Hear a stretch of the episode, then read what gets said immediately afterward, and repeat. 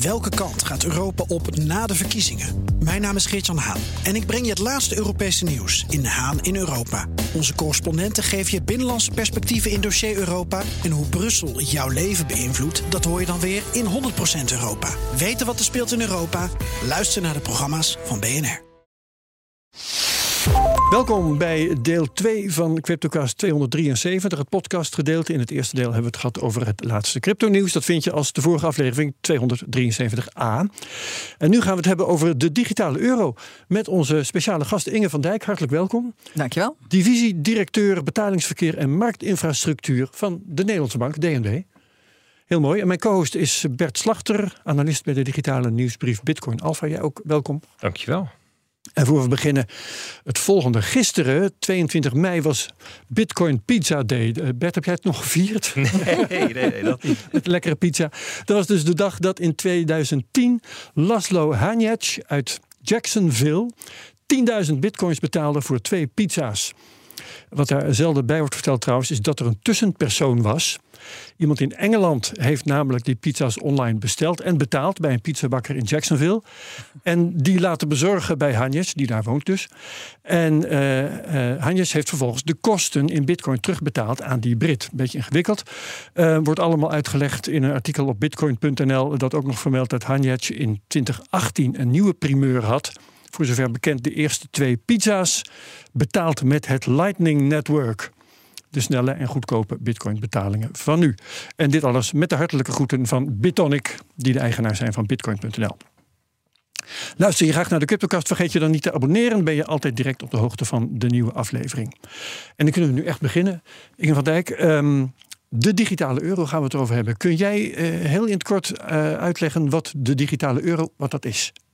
Zeker, doe ik met plezier.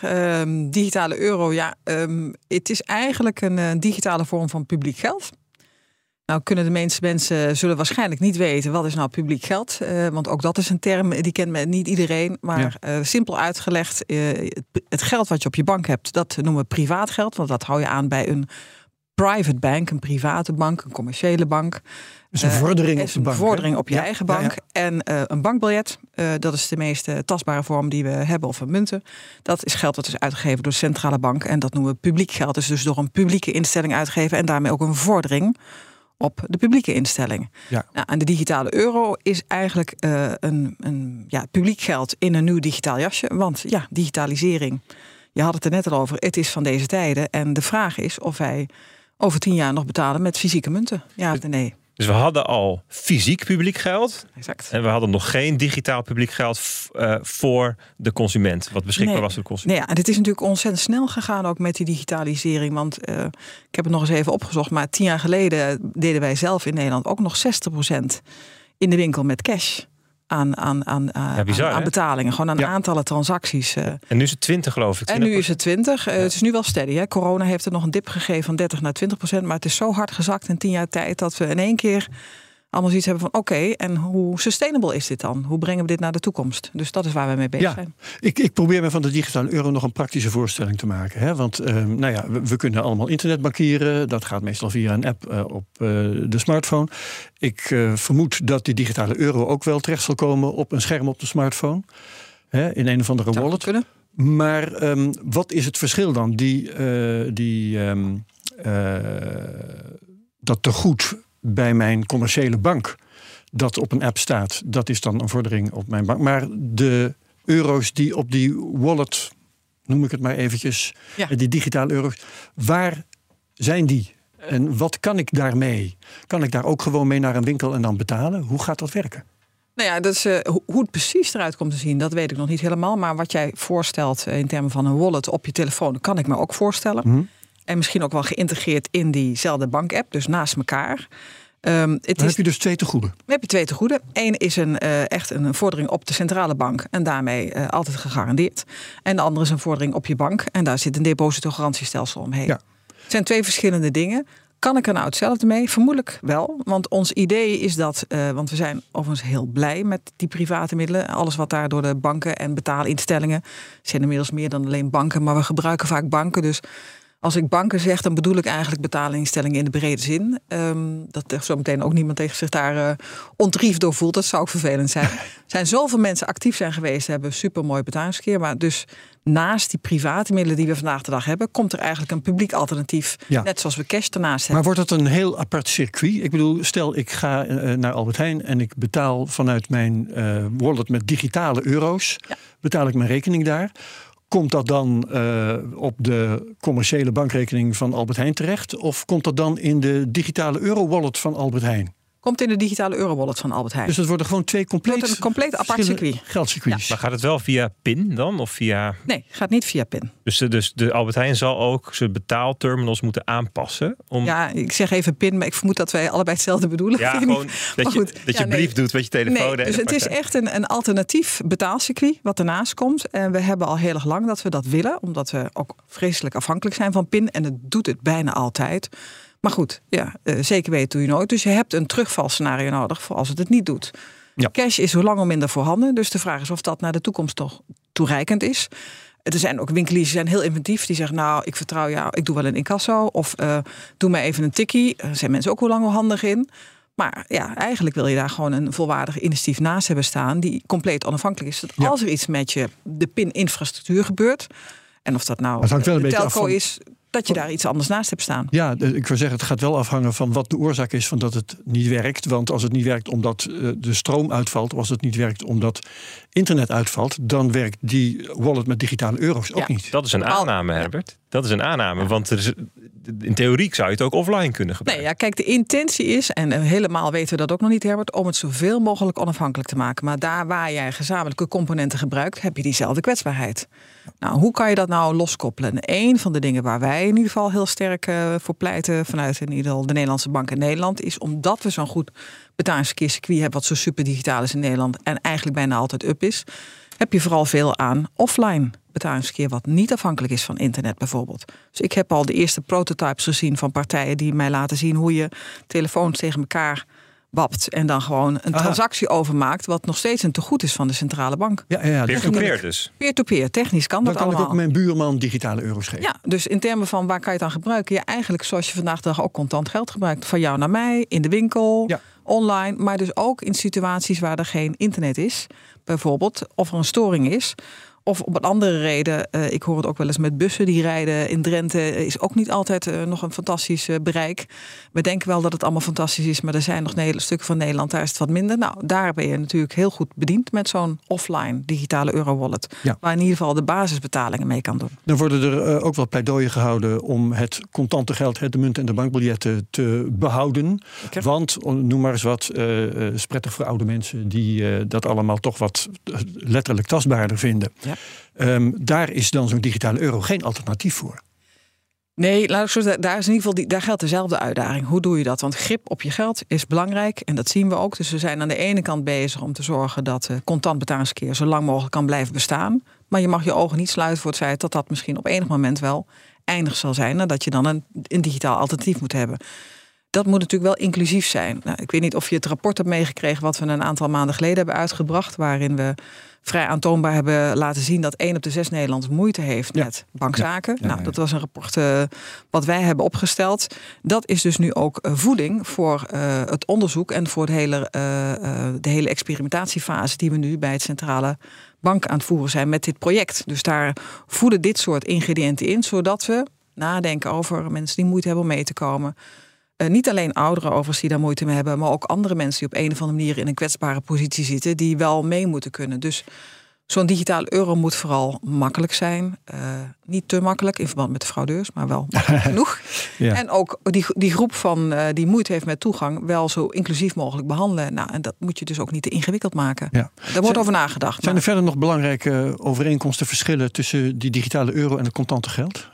Die wij moeten weten. Ja, het ene is fysiek en het andere is. Uh, ja, maar we proberen wel zeg maar alle kenmerken van contant geld die we vandaag de dag hebben, eigenlijk zoveel. Dus je ziet als een, een cash in een digitaal jasje, zo zeggen we het vaak.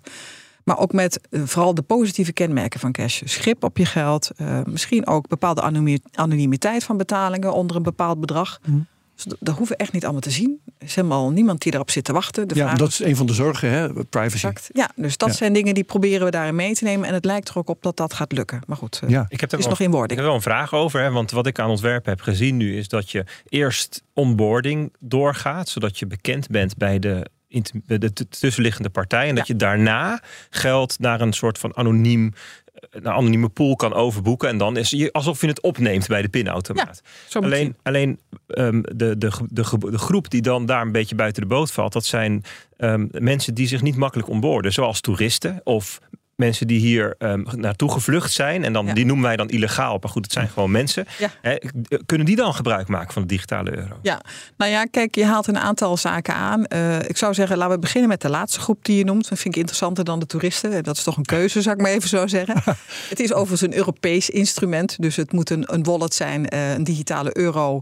Eh, eh, nou, laten, we even, laten we het even een wallet noemen voor, ja, de, voor het ja, gemak. hoor, die eh, toepasbaar is voor de hele eurozone en eigenlijk ook nog erbuiten. Dus er zijn ook Europese landen, bijvoorbeeld Scandinavië, die eh, geïnteresseerd zijn en aan willen sluiten, maar dan een mix willen hebben. Dus dan krijg je cross-currency erin.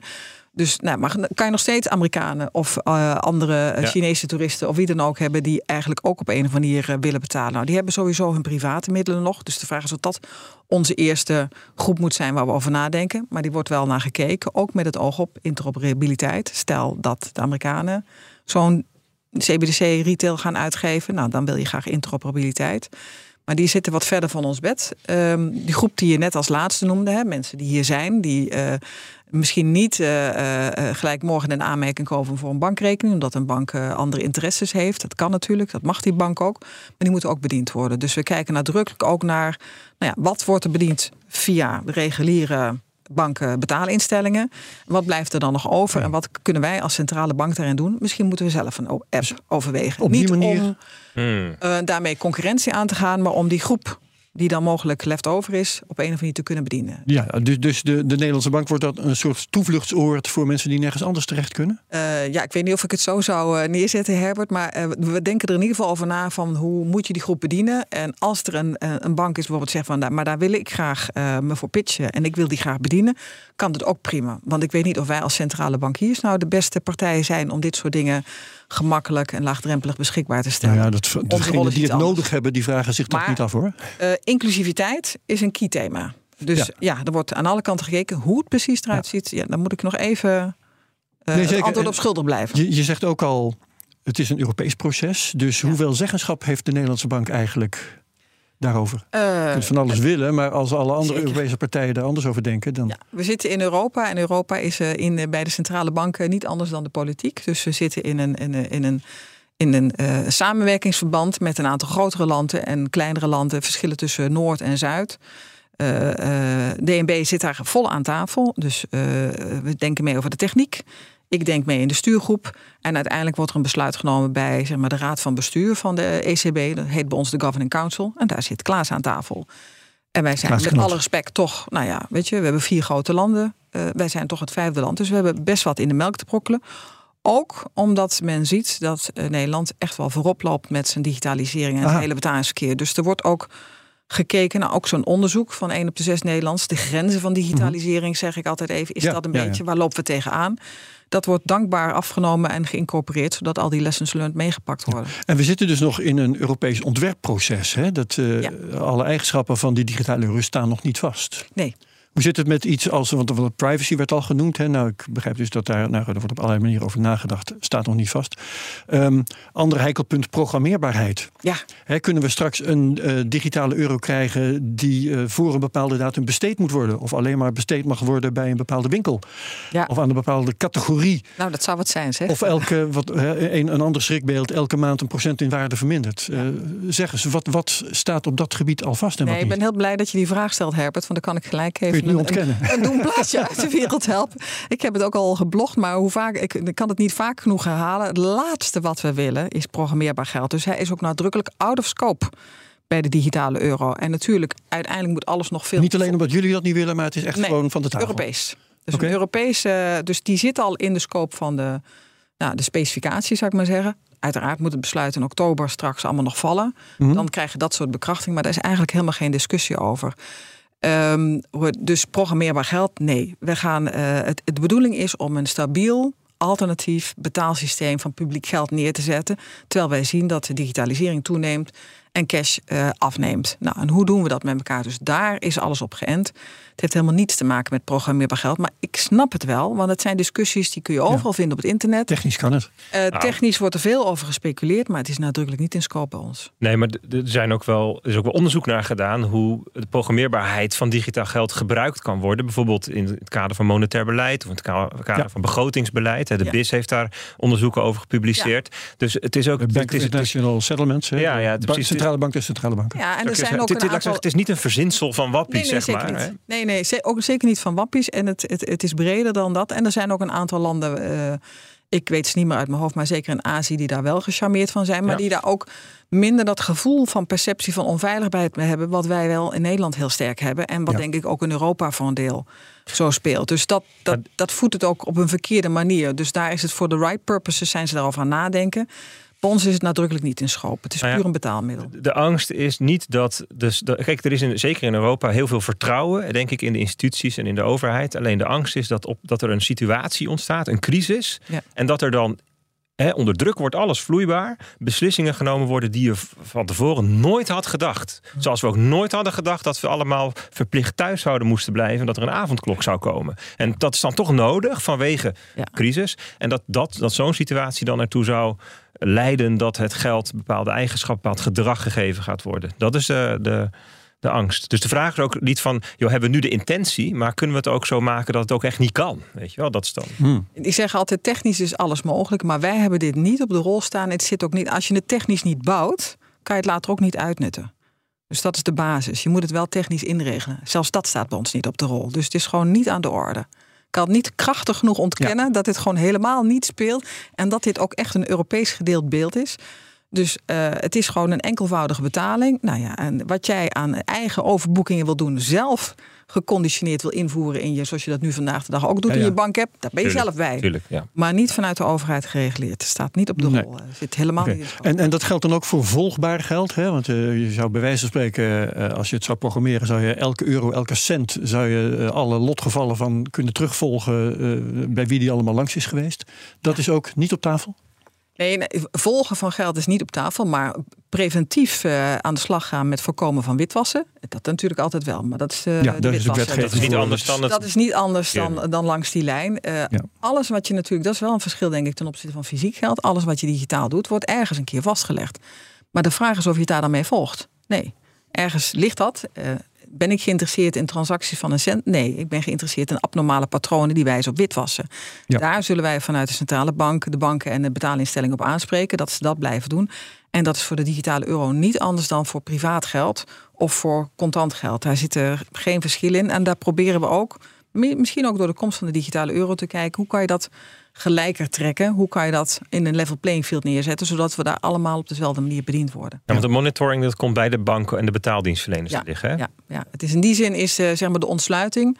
Uh, zeg, hoe, via wie krijg je het? Nou, waarschijnlijk via je bank of via betaalinstelling. En die is ook weer verantwoordelijk voor uh, uh, KYC en alle screeningsaspecten. Maar het, het, geld staat uiteindelijk op de rekening bij de centrale bank in een apart systeem. Het loopt echt in een apart circuit. Waarbij jullie ook hebben gezegd, nou weet je, het zou ook leuk zijn als allerlei techbedrijven, fintechs gaan experimenteren. Hè, dat het een wat breder verhaal wordt dan alleen maar de bestaande banken. Toch? Zeker, zeker. Nee, innovatie uh, niet. Die uitnodiging is er. Niet, ja. Die uitnodiging is er zeker. Niet alleen hier, maar uh, op elke punt zou ik maar zeggen. Ook op toegankelijkheid doen we die uitnodiging van denk mee in hoe je die groep makkelijker mee kan nemen. Maar ook hier, uiteraard is het wel zo dat je aan een aantal spelregels moet voldoen om betaalproducten te mogen uitgeven. Maar graag. Ja. Innovatie is goed. Um, DNB zit dus aan tafel bij een x aantal partijen op Europees niveau om uh, dat ontwerpproces uh, vorm te geven. Hè? Wat, want je hebt een paar dingen intussen gezegd die jullie wel willen, die jullie niet willen. Maar wat, wat kun je daar verder nog aan toevoegen? Wat, uh, wat is jullie beeld van hoe die digitale euro van DNB, dus hoe de digitale euro eruit moet gaan zien? Ja, de zijn cruciale eigenschappen. Ja, nou, de digitale euro van, uh, van, uh, van, de, van, van ons allemaal, zou ik willen zeggen, in het eurosysteem. Maar, uh, nou, daar hadden we het net al even over, omdat we zo'n ontzettend goed betalingsverkeer hebben, zoeken wij ook naar, nou, waar hebben wij nou in Nederland nog wat aan? Het werkt heel erg goed. Nou, dat zit dan vooral in die, in die offline hoek. zeggen van nou, en dat zeggen ook banken van ja, offline P2P, zoiets hebben we eigenlijk niet. En ook in het geval van verstoringen zie je al, en daar hebben we heel veel discussies ook in het maatschappelijk overleg betalingsverkeer, waar we met alle stakeholders, want het is natuurlijk een tweezijdige markt betalingsverkeer, praten over nou, hoe werkt het, fraude technisch, dat soort dingen allemaal meer. Daar praten we met elkaar over van hoe, waar zitten de, de, de, de add-ons, waar kunnen we wat mee? En daar heeft iedereen eigenlijk over, ja, die terugvaloptie, een, een, een backup op een of andere manier. Ja. Dat is toch wel de belangrijkste. Dus daar zit onze focus heel sterk op. En op de inclusiviteitsaspecten die je net al even aanhaalde. Hè. Mensen die op een of andere manier moeilijker mee kunnen komen. Hoe kunnen we dat zo makkelijk mogelijk ja. inrichten? En hebben andere landen nou wensen die daar heel erg uh, van afwijken eigenlijk? Ja, tot op zekere hoogte. Noem eens wat. Nou, heel erg van afwijken. Maar tot op zekere hoogte hebben zij wel wensen. Want wij hebben bijvoorbeeld een fantastisch product dat heet Ideal. Dat gebruiken we mm denk ik ook elke dag. Um, nou, dat is in Europa is dat er niet gewoon. Uh, ja, Spanjaarden hebben een zoiets soort vergelijks Bizoom. Italianen hebben iets geprobeerd met Jiffy. Het is lang niet op het niveau van Ideal. En de Duitsers hebben meerdere pogingen ondernomen. En zo het is niet gelukt. Ja, nou, jij, jij noemt ze. En uh, zo zijn er meerdere varianten van geweest. Heel veel investeringen down the drain. Met als gevolg dat daar allerlei Amerikaanse creditcardmaatschappijen, PayPal actief zijn. Nou, de vraag is of je dat wil. Dus zij hebben vooral een behoefte om nou, e-commerce-achtige oplossingen neer te zetten. Eh, wij wat meer in de offline hoek. Maar uh, de eerste use cases hebben dus ook gedefinieerd als zij het moet online beschikbaar komen en offline voor betaling van jou naar mij. Uh, en voor betaling in de winkel en ook maar in webwinkels. En dat in generieke zin. Nou, en dan is de uitdaging vooral in de techniek gelegen wanneer wat beschikbaar komt. Ja, dit vind ik een hele interessant om even een brug te maken naar een ander uh, onderwerp. Dan kom ik zo hierop terug. Want dat met die mensen in andere landen die graag e-commerce betaling willen doen. Want um, kijk, een CBDC, hè, dat mm -hmm. is een heel uh, breed concept. Dat kun je op allerlei manieren vormgeven. Die kun je alle eigenschappen. Dus dan zijn keuzes. Nou, we hebben net gehad over de, de, de, de rol als betaalmiddel. Maar je zou hem ook kunnen gebruiken als spaarmiddel. Als oppotmiddel, als store of value. Hè. Dat je zegt van nou ja, je hebt hier een veilige manier om te sparen. Waarbij je geen tegenpartijrisico hebt bij, van banken. Ook niet boven de ton. Hè. Um, en, en, en nou ja, dat is een andere manier. De, de veilige kluis of verzin het maar. Mm -hmm. En um, dat is voor zover ik begrijp, niet het, niet het idee, hè? niet de bedoeling nu. Of niet nee. het... Nee, dat is niet het idee. Nee, dus normaal zou je zeggen, een euro heeft drie functies altijd. Rekeneenheid, uh, spaarmiddel en oppotmiddel. En deze laatste hebben we nadrukkelijk buiten scope geplaatst. En dat komt ook, en misschien is dat ook een, een, een bruggetje naar hè, wat we de afgelopen maanden hebben gezien met Hoe doe je dat trouwens? Want uh, als ik zeg, ik ga mijn uh, digitale euro's netjes bewaren en er niks mee doen. Hoe hou je dat tegen? Nee, we, we, we potten ze wel. Je kunt ze wel bewaren tot op zekere hoogte in die wallet, maar daar zal nou, een grens aangezet worden. Oh ja? Of misschien wordt het aantrekkelijk niet aantrekkelijk genoeg gemaakt om ze daar te laten staan, omdat je er elders meer mee kunt. Dus als je of omdat je meer rente krijgt. Als je de rente op nul zet, ja. bijvoorbeeld, ja, dan is het maar de vraag of iedereen daar zoveel geld wil laten staan. Ja. Dus nou, daar kun je spelregels omheen bedenken. Nou, daar, in die hoek zitten we te denken of een rente op nul, uh, dat laatste lijkt het wel te worden, of een limitering daar op een of andere manier aan. Want uh, de keerzijde is natuurlijk ook dat we hebben gezien hoe hard het kan gaan als je uh, op een of andere manier als bank in de problemen komt en wat voor enorm effect dat kan hebben. Dus je moet een bankrun. Een bankrun. Dus je ja. moet voorzichtig zijn met uh, of je, je je huidige dienstverlening zomaar in één keer te grappen gooit, waar je jaren over gedaan hebt, geschaafd, geschuurd, gewikt, gewogen, geïnvesteerd, die eigenlijk heel goed functioneert voor een alternatief waarvan dat zich nog moet bewijzen. Dus het is nadrukkelijk een betaalmiddel voor kleinere bedragen, bedoeld als een betaalsysteem daarnaast, maar niet bedoeld als een, uh, een spaarsysteem. Dat laten we graag bij de banken, die doen dat uitstekend. Ja. En. En, en, en, de middelen zijn dus uh, of een rente op nul of een limiet aan het aantal dat euro's dat je ja. in die wallet mag hebben. Er wordt gesproken over 3000 euro hè, als maximum. Ja, ja, goed dat je er even aan. De, de gedachten zijn nu 3000 euro als maximum. Dat is een beetje van, van, van buiten naar binnen gedacht. Van nou ja, als ik de grote pot verdeel en dat verdeel ik over zoveel inwoners in Europa, waar kom ik ongeveer op uit? Bedoeling is natuurlijk dat je dan aan de onderkant ook nog een keer helemaal terug analyseert. Wat zijn dan de effecten daarvan op uh, depositostelsels? Wat betekent dat voor partijen? Gaan mensen dat ook daadwerkelijk doen? Dat is maar de vraag. Hè? Gedrag versus een leuke economische exercitie waar ik tot 3000 euro komt, is altijd nog iets heel verschillends. Dus hoe je het product neerzet, hoe je het uitrolt, uh, hoe je dat gaat ook niet van vandaag op morgen en in één keer in een big bang hebben we dat allemaal. Het is niet alsof ik zo in één keer een pakketje digitale euro's aan jou geef. Je zal zelf iets moeten doen. Nou, wil je dat, Herbert? Dat is de vraag. Nou ja, Jij misschien wel en Bert misschien niet. Er zijn dus in Amerika is een, een vlucht hè, van deposito's naar geldmarktfondsen. Ook vanuit Ja. de gedachte van hey, de tegenpartijrisico en het rente. Eh, dat zijn dan twee, twee overwegingen. Ehm, en eh, ik heb ook mensen gehoord zeggen: Nou, dat is het mooie als we straks een CBDC hebben. Dan heb je ook alleen maar een vordering op die centrale bank en niet meer een commerciële. Dat is dus nadrukkelijk niet de bedoeling. Nee, het is nadrukkelijk een betaalinfrastructuur. En ik denk dat Klaas eh, heel graag praat, of eh, mijn collega Olaf, over Ja. nou, hoe die ontwikkelingen nu zitten. ja, precies. En Waar ik dan wel benieuwd naar ben, we hadden het net even over gebruik in e-commerce toepassingen. Mhm. nou, ik, ik heb toevallig van de week een camper gereserveerd. Nou, dat was meer dan 3000 euro, kan ik je vertellen. En ik kan me dus voorstellen dat een Italiaan of een Spanjaard waar je het over hebt, zegt: joh, we willen graag het gebruiken als mooie betaalinfrastructuur online. Dat die dus meer dan 3000 euro willen Ja. kunnen afrekenen. Hoe gaat dat dan? Ja. Is dat niet problematisch? Nee, ik snap het. Eh, Ik doe me denken aan de parallellen met eh SEPA toen we dat aan het introduceren waren. Dat was dat mooie lange IBAN-nummer dat ergens Ja. in Europa bedacht was. Ook door mensen die eigenlijk geen gevoel hadden voor de consument. Maar goed, en dat was op een, een of andere manier de keuze. En eh, daar hebben we toen ook heel veel discussies gehad over. Ja, maar ik wil graag mijn vakantiehuisje in Frankrijk betalen. En ja, maar dat zijn, dat zijn niet de dagelijkse boodschappen. Hè? Dat zijn niet de dagelijkse dingen van ik wil van jou naar mij betalen. Ik wil mijn koffietje met jou kunnen verrekenen. Ik wil bij de bakker op de hoek kunnen betalen als de pinterminal eruit ligt. Dus weet je, dat zijn eh, exotische voorbeelden. Maar dat is niet het probleem Kortom, aan het Bert, je, oplossen je verzint maar wat. Ja, nee, dat zijn dus. Er zijn genoeg alternatieven eigenlijk wat dat betreft. Ja, inderdaad. Dat moeten ze dan Ja. op een andere manier oplossen, zeg Ja. je dan. Ja, er zijn genoeg alternatieven voorhanden en die doen het goed. Dus dit is meer een circuit ernaast, maar nadrukkelijk voor dagelijkse betalingen. Heb je bitcoin geprobeerd trouwens, Bert? Ja, dat werkt fantastisch. Ik had niet anders verwacht. Oké, ehm, eens even kijken. Ehm, die digitale euro. Trouwens, nog even, nog even over, die, over die, ehm, dat, dat maximum en, en die rente. Wordt het nou het een? Wordt het het ander? Wordt het allebei? Want je bent er een beetje vaag over. Nee, nou, de, ik- ik ben er ook nog vaag omdat het ei nog niet gelegd is, eh, Ja. Herbert. Dus in die zin eh, klopt het dat ik er wat vaag vind. Maar men tendeert naar een limiet. Een limiet. En een rente van nul. Dus, eh, maar goed, Allebei. alle, ja, in combinatie. Dus, eh, dus de ja. vraag is even ja, hoe zich dat zo meteen in de besluitvormulier zet. Dus in oktober kan ik je daar meer over Ja. vertellen. En Maar wat nu dat zal worden, dat is vast ook nog wel onderwerp Ik denk dat dat is nog onderwerp van gesprek. Er zijn echt een aantal landen, eh, waaronder wij zelf ook, die zeggen misschien moet je het wat lager maken. Er zijn ook een aantal landen die zeggen nee, misschien moet je het veel ruimer maken. De Britten hebben juist een limiet gelanceerd die is weer astronomisch. Nou, de vraag is even wat is wijsheid? Eh, dus ik denk eh, ook dat zijn dingen die kan je natuurlijk eh, gaandeweg eh, ontdekken met elkaar. Je kan voorzichtig beginnen met een product en langzaam als je ervaring hebt van hoe werkt Ja, het, de knop draaien.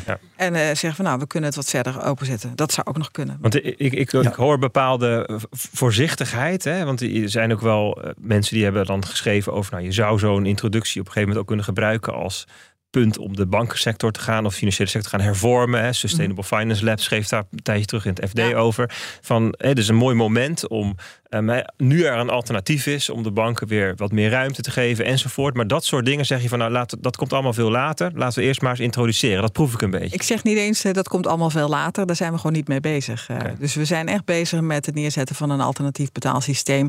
In, eh, nou ja, zoals we in het Engels mooi noemen, in the face of declining cash. Mhm. En de digitalisering moeten wij zorgen voor een toekomstvast alternatief wat digitaal is. Dus we zijn er gewoon helemaal niet mee bezig. Ook niet later. Het is gewoon geen topic op dit Niet moment. aan de orde. Nog even over de, de pijplijn waar het dan allemaal in zit. Je zegt in oktober weet je meer. Maar ehm, hoe, hoe eh, ziet eh, de agenda er op dit moment eigenlijk uit? Eh, in oktober weet je meer. Maar wanneer hebben we die digitale euro dan? Ja, goed om even aan te kaarten. Ik denk, we zitten nu dus in een soort vooronderzoeksfase. Die heeft nu bijna twee jaar geduurd. Die komt dan in oktober tot besluitvorming. En hebben En dan hoog begint het eigenlijk pas. Ja, en dan hebben we hoog over eigenlijk afgetoetst. Nou, waarom eigenlijk? Wat dan eigenlijk precies? Alle topics die we net langs hadden. Hoe werkt zo'n businessmodel? Eh, hoe werkt het technisch? Wat komt er juridisch bij kijken? Denk ik ook heel belangrijk. Eh, het- dit kan niet zonder politiek draagvlak. Ontzettend belangrijk. Een uitgifte van een digitale euro, net zoals in de tijd uitgifte van de euro, dat moet politiek draagvlak hebben. Dus er Ja. komt eerst nog wetgeving aan. Dat is het eerste moment eigenlijk, eind juni, dat er eh, een wetsvoorstel komt vanuit de Europese Commissie. Dat eigenlijk de, de juridische basis moet zijn hiervoor. Dat moet natuurlijk ook door het Europees Parlement. Nou, dat heeft ook nog zo zijn tijd nodig. Dus dat is het eerste eh, station wat we tegenkomen. Dan in oktober de besluitvorming. Denken wij dat eh, met die wetgeving in hand dat we juridisch een digitale euro moet komen. Dan gaan we eigenlijk een vervolgfase in. Eh, waarin we dat verder gaan uitwerken. Dan moet je denken aan technische eh, testen, eh, technisch uitzoeken, verdere detaillering. En maar ook mock- mock-ups. we gaan testen met focusgroepen, consumenten. Ja, ja, ja, ja, ja. Al dat soort dingen komen er allemaal langs. En als je dan vraagt, ja, wanneer komt er dan ongeveer misschien een digitale euro als je al die beslissingen op go hebt gezet? Ja, ik denk op zijn vroegste in 2027. en dan zal het nog experimenteel zijn. Want geef je rekenschap van het feit dat alle retailers, stel dat je dat uitrolt en ik wil bij al die winkels kunnen betalen. Ja, ik ga dat ding niet gebruiken als ik ook weet dat ik ermee kan betalen. Dus je moet eerst alle winkels en alle retailers uitgerold hebben. Die hebben natuurlijk ook allemaal infrastructuur staan. Dus dat zijn geen dingen die je vandaag op morgen doet. Dus voordat we daar zijn, kost jaren. Ja, die gaan het een keer doen als ze toch de kassa moeten vervangen of zo waarschijnlijk. Bij voorkeur, want je wil meeliften op investeringen die ze al gedaan hebben. Ook aan hen kant moet het betaalbaar blijven. Eh, we hebben de lat vrij hoog liggen. Ja, die willen we eigenlijk qua kostprijs voor wat het de retailer kost, uh, al dat betaalverkeer, die wil je eigenlijk zoveel mogelijk gelijk houden. Nou, hoe doe je dat op een handige manier? Ja, dus uh, of je, je moet verschrikkelijk veel geld gaan betalen, maar dat is niet te doen. Dus je moet handig meeliften op wanneer komt er een logisch moment van investering en vernieuwing. En zou, ja, maar zo is, eh, hè, dan nog een jaar of vijf, zou maar zo, zodat we over 2030 praten, een beetje die kant op. En dat, je, dat je het echt in straatbeeld regelmatig tegenkomt. Ja, nou de eerste beelden zijn nu dat we zeg maar dat je twee, twee drie jaar kost voordat je dan zo'n uitrol hebt. Dus vanaf zo'n eerste moment 2027 kom je ergens in 2029 2030 uit. Ja, ja, ja Voordat het dan algemeen geaccepteerd is en dan echt iedereen het ook heeft. Ja. En, en ervaart Europa eigenlijk uh, urgentie wat dit betreft? Want uh, zo te horen is het een heel um, afgewogen uh, ontwikkelproces. Hè. Er wordt goed over nagedacht, dat snap ik allemaal wel. Belangen zijn groot. Um, Bert Groothuis, Europarlementariër, is hier wel eens geweest. En die, die sloeg alarm zo'n beetje. Omdat China zijn digitale yuan, of hoe het ding ook heet, al lang had. En bezig was daar over de hele wereld in de wereldhandel een soort landjepik mee te spelen. Ja.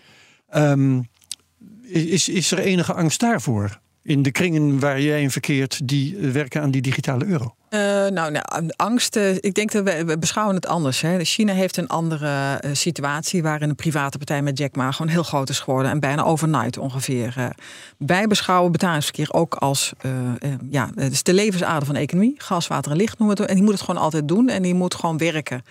Maar we hebben een werkend systeem. En het draait heel goed. Met een, uh, een, uitstekende constructie van toezicht. Met buffers die we continu aan het bijstellen zijn op de laatste ontwikkelingen die gebeurd zijn. En dat zit goed in elkaar.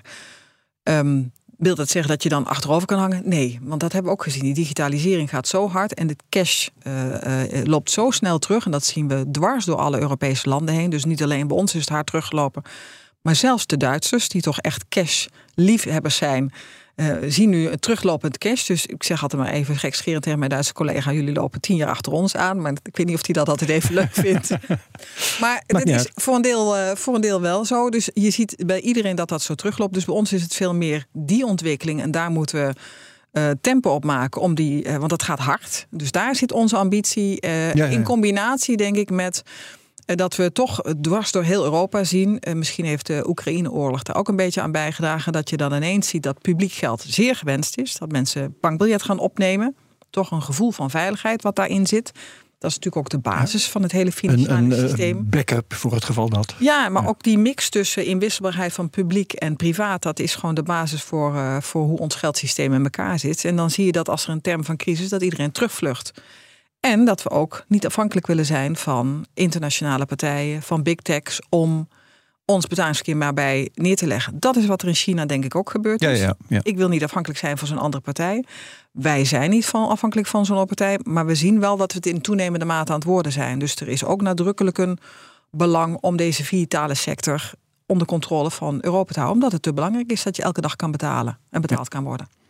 Er zijn uh, ook wel uh, allerlei groepen die bezwaar maken tegen die digitale, om allerlei redenen wel. Hè. Uh, dat die digitaal is, zou je een bezwaar kunnen vinden. de privacy is, is wel genoemd. er zijn er die hebben andere voorkeuren, bijvoorbeeld een, een, een nationale depositobank. -huh. um, waarom, waarom kiest de Nederlandse bank voor die digitale euro en niet voor zo'n andere variant? Ik denk dat de andere variant aan de politiek is. Volgens mij hebben die dat debat een keer gehad naar aanleiding van het WRR-rapport in 2019, volgens mij. Ergens. Zoiets, 2020. daar, daar in die buurt. Ja, In ieder geval voordat ik bij de Nederlandse Bank begon. Um, uh, dus onze focus ligt gewoon helemaal niet op, op uh, die behoefte. Dat is een politieke vraag. Onze, onze focus ligt op. We zien uh, fysiek cash teruglopen en we zien daarmee het publieke geld. En dat is waar wij als centrale bank voor verantwoordelijk zijn. Goede werking van betalingsverkeer, stabiliteit dat moeten we naar de toekomst toe borgen. Dus vandaar dat die helemaal niet op tafel ligt hebben ons, eh, Herbert. Nou, nee, maar dat, dat, terecht, hè, dat is een, zeker een politieke keus. Maar de politiek heeft na het WRR-rapport wel gezegd van we gaan nu niet iets doen, omdat er straks de digitale euro komt. En als we nu tot de conclusie komen, hij, het is alleen een betaalmiddel en, en expliciet niet bedoeld als spaarmiddel, dan mag hij dus terug naar het, uh, de politiek met het rapport. Alles wat de WRR geschreven heeft, gaat niet ingevuld worden door digitale euro. Dus je moet iets alternatiefs verzinnen. Want de WRR heeft hier, in ieder geval, je moet je daartoe verhouden, hè, zoals Mark Rutte dat al zou zeggen. Uh, dat is dan wel de conclusie, denk ik. Nou ja, voor mij is dat dus jouw conclusie. Eh, ik heb daar gewoon geen mening over. Ik ben een centrale bankier en ik hou me bezig met de goede werking van betalingsverkeer. Dus ik laat die graag aan de parlementsleden. En ik weet dat er verschillende meningen leven. Nou, eh, laat dat debat ontstaan. De positie over wat de digitale euro potentieel kan worden. En nogmaals, besluitvorming moeten zijn. En ik denk ook dat de politiek nog nadenkt over tot hoever. Uh, geven de ruimte aan de centrale bank om dit te organiseren. Dat moet allemaal nog bij elkaar komen. En dan komt misschien ook deze discussie weer terug. Maar dat laat ik graag daar op de tafel liggen waar het thuis hoort. Daar hoort hij ook hoor. Ja. Ja. ja. En stel, die digitale euro wordt een, groot succes. Uh, iedereen wil op straat betalen met de digitale euro. Uh, die, die wallets van de commerciële banken die raken in onbruik. Die zitten te verpieteren op jou en mijn smartphone. um, wat ontstaat er dan voor een situatie? Dat zien is, we is iedereen dan vreselijk blij of hebben we dan meer een probleem? Nou, laat ik zo stellen. Ik denk dat we op dit moment nog helemaal niet zo ver zijn. En al onze berekeningen uh, over roll-out en ook uh, mijn, mijn, mijn, eigen ervaring. Ik heb, werk nu al 30 jaar in betalingsverkeer, ook aan de private kant. Ik heb nog nooit meegemaakt dat iets overnight een succes werd. Ehm, dus uh, daar ben je altijd op tijd genoeg bij om te zien wat er gebeurt. En als dan met verstand van zaken in te grijpen. Dus het heeft geen zin om daarop vooruit te lopen. Dus dan kun je altijd nog aan die knoppen gaan draaien waar we het net over hadden. Ergens moet je natuurlijk altijd in de gaten houden wat je doet. Uh, en in je systeem uh, weten waar, net zoals we vandaag de dag hoe het uh, safety measures in place hebben. Zorgen dat je daar iets op kan doen. En ja, als er morgen een regering zegt uh, corona, iedereen moet thuis blijven. Ja, dat kan altijd in geval van crisis. Maar je zegt dat, dat zien we dan wel, hè? maar ik heb bijvoorbeeld Fabio Panetta van de ECB regelmatig horen zeggen, of in, ook in zijn presentatie zien verwerken. Ja, we, we zoeken, er zit een hele ingewikkelde balans tussen het moet succesvol genoeg zijn hè, om het überhaupt enig netwerkeffect te geven. Maar het mag niet te succesvol worden om de, de intermediair niet eruit. Hoe kijk je dan naar, naar dat? De commerciële banken bedoel je daarmee? Dat, ja, dat, ja. Die... ik denk dat je dat eh, punt even goed uh, aanhaalt, Bert. Maar dat is absoluut zoals we het, uh, zoals we het zien. Fabio is voorzitter van de stuurgroep natuurlijk. En zo spelen we dat ook. Dus we zoeken naar de verhouding daarin. tegelijkertijd zijn veel centrale bankiers niet gewend aan retailproducten om die uit te rollen. Dus ja, we denken vaak een groot geld. Maar retailtransacties zijn klein. Ja. Uh, kleine betalingen, 25 euro. Dus uh, ja, voordat mensen wennen uh, en daarmee omgaan en dat voelen, terwijl, ja, wat is nou het verschil ten opzichte van je privaatgeld? Ik weet zeker, de een zal zeggen, voor mij is het niet nodig, want ik heb alles al. En de ander zal zeggen, nou, vind het toch wel een fijn idee. ik zet er wat digitale euro's op en dan heb ik daar maar in een apart potje staan. We gaan het ontdekken met elkaar, maar die balans die zoeken we nadrukkelijk. Eh, want we zijn heel erg blij met het private systeem zoals het staat. En dat moet vooral door blijven ja, Dus dit moet ernaast komen te staan. Het moet niet... In Nederland natuurlijk wel. En eh, andere delen van Europa is het private systeem ook wel minder goed. Dat je natuurlijk net zelf ook. E-commerce uh, betalingen. Maar, ik, ik, ik, ik, ben nog veel in de tech bezig geweest. En ik heb nog eigenlijk nooit een project gezien waarbij een van de ontwerpcriteria was: het mag niet, niet te succesvol zijn. Ja, ben je niet bang dat het dan daardoor eigenlijk bij voorbaat al een ja, een soort van mislukt project. Als iedereen in zijn hoofd heeft, joh, moet niet succesvol worden. Nee. Nee, nee, want iedereen heeft ook in zijn hoofd uh, andersom uh, dat het heel succesvol moet zijn. Dus je moet een bepaalde mate hebben dat je zegt van nou, ik weet zeker dat het overal geaccepteerd wordt. En dat het, uh, dat het een, een goed gebruik heeft. Nou ja, dat, dat zijn nog allemaal dingen die we moeten onderzoeken en verder moeten uitwerken. Maar voorkomen dat er te veel geld in één keer van de bankdeposito's deze kant op schuift, is niet wenselijk. Want dat hebben we allemaal gezien. Maken de commerciële banken hier veel bezwaar tegen eigenlijk? Dat is zeker een punt van, eh, van zorg aan hun kant. Dus alle analyses bijvoorbeeld die we op dat punt doen. Uh, wat, wat kan je zien? Hoe komt die digitale euro zo meteen eruit te zien? Hoe komt die, wordt die beschikbaar gesteld? Dan krijg je dat je verder onderzoek kan doen. Uh, ook samen met de banken en andere partijen om te kijken. Nou, hoe brengen we dit bij elkaar? Ja. En, niet alleen met de banken. Kunnen commerciële banken dit uh, traineren? Hebben ze wat dat betreft een machtsmiddel? Moet je misschien aan de commerciële banken vragen. Maar nee, ja, uiteindelijk gaat de, de, de Europese Commissie erover. Die gaat ook een aantal dingen zeggen over bijvoorbeeld verplichte acceptatie of verplichte uitgifte. En als dat verplicht wordt, dan, uh, ja, dan heb je daar niet veel ruimte in. Ja, dat is duidelijk. Je krijgt ongetwijfeld tijd om je daarvoor te bereiden. Bert, heb jij nog vragen? Nee. nee. Hadden wij nog iets moeten vragen dat jij graag kwijt wilt hierover? Uh, nee, ik ben heel blij dat we even hebben kunnen benoemen dat het absoluut geen programmeerbaar geld is. En ik denk ook dat het goed is om. Gaan we jullie uh, ook aan houden? Ja, ja, zeker. Mag je me altijd uh, over terugvragen, Herbert. Hm. Bij deze. en ik denk dat het ook heel goed is dat de mensen besnappen dat dit geen Ivoren Toren project is bij de ECB. Maar dat we vanuit de Nederlandse bank en met ook alle stakeholders, dus niet alleen banken maar ook winkeliers en de consumentenorganisaties hier vaak over praten. En dat we alle ideeën die we in Nederland hebben zo goed mogelijk inbrengen. Zodat we ook er wat aan hebben vanuit Nederland. Gegeven het feit dat het hier gewoon eigenlijk heel goed voor elkaar is met het betalingsverkeer. Oké. Okay. Um, ik dank je wel, Inge van Dijk van de Nederlandse Bank, voor uh, je bijdrage aan deze, aan deze CryptoCast. Graag gedaan. En ook Bert Slachter als mijn co-host vandaag. Uh, hartelijk dank. Vergeet deze CryptoCast niet te delen met je volgers op Twitter. Met de mention at CryptoCast.nl natuurlijk weer. Laat reviews achter op Apple Podcasts, dat is ook fijn. Like, subscribe en comment op YouTube. En verder heel graag tot volgende week bij de volgende CryptoCast. Dag allemaal.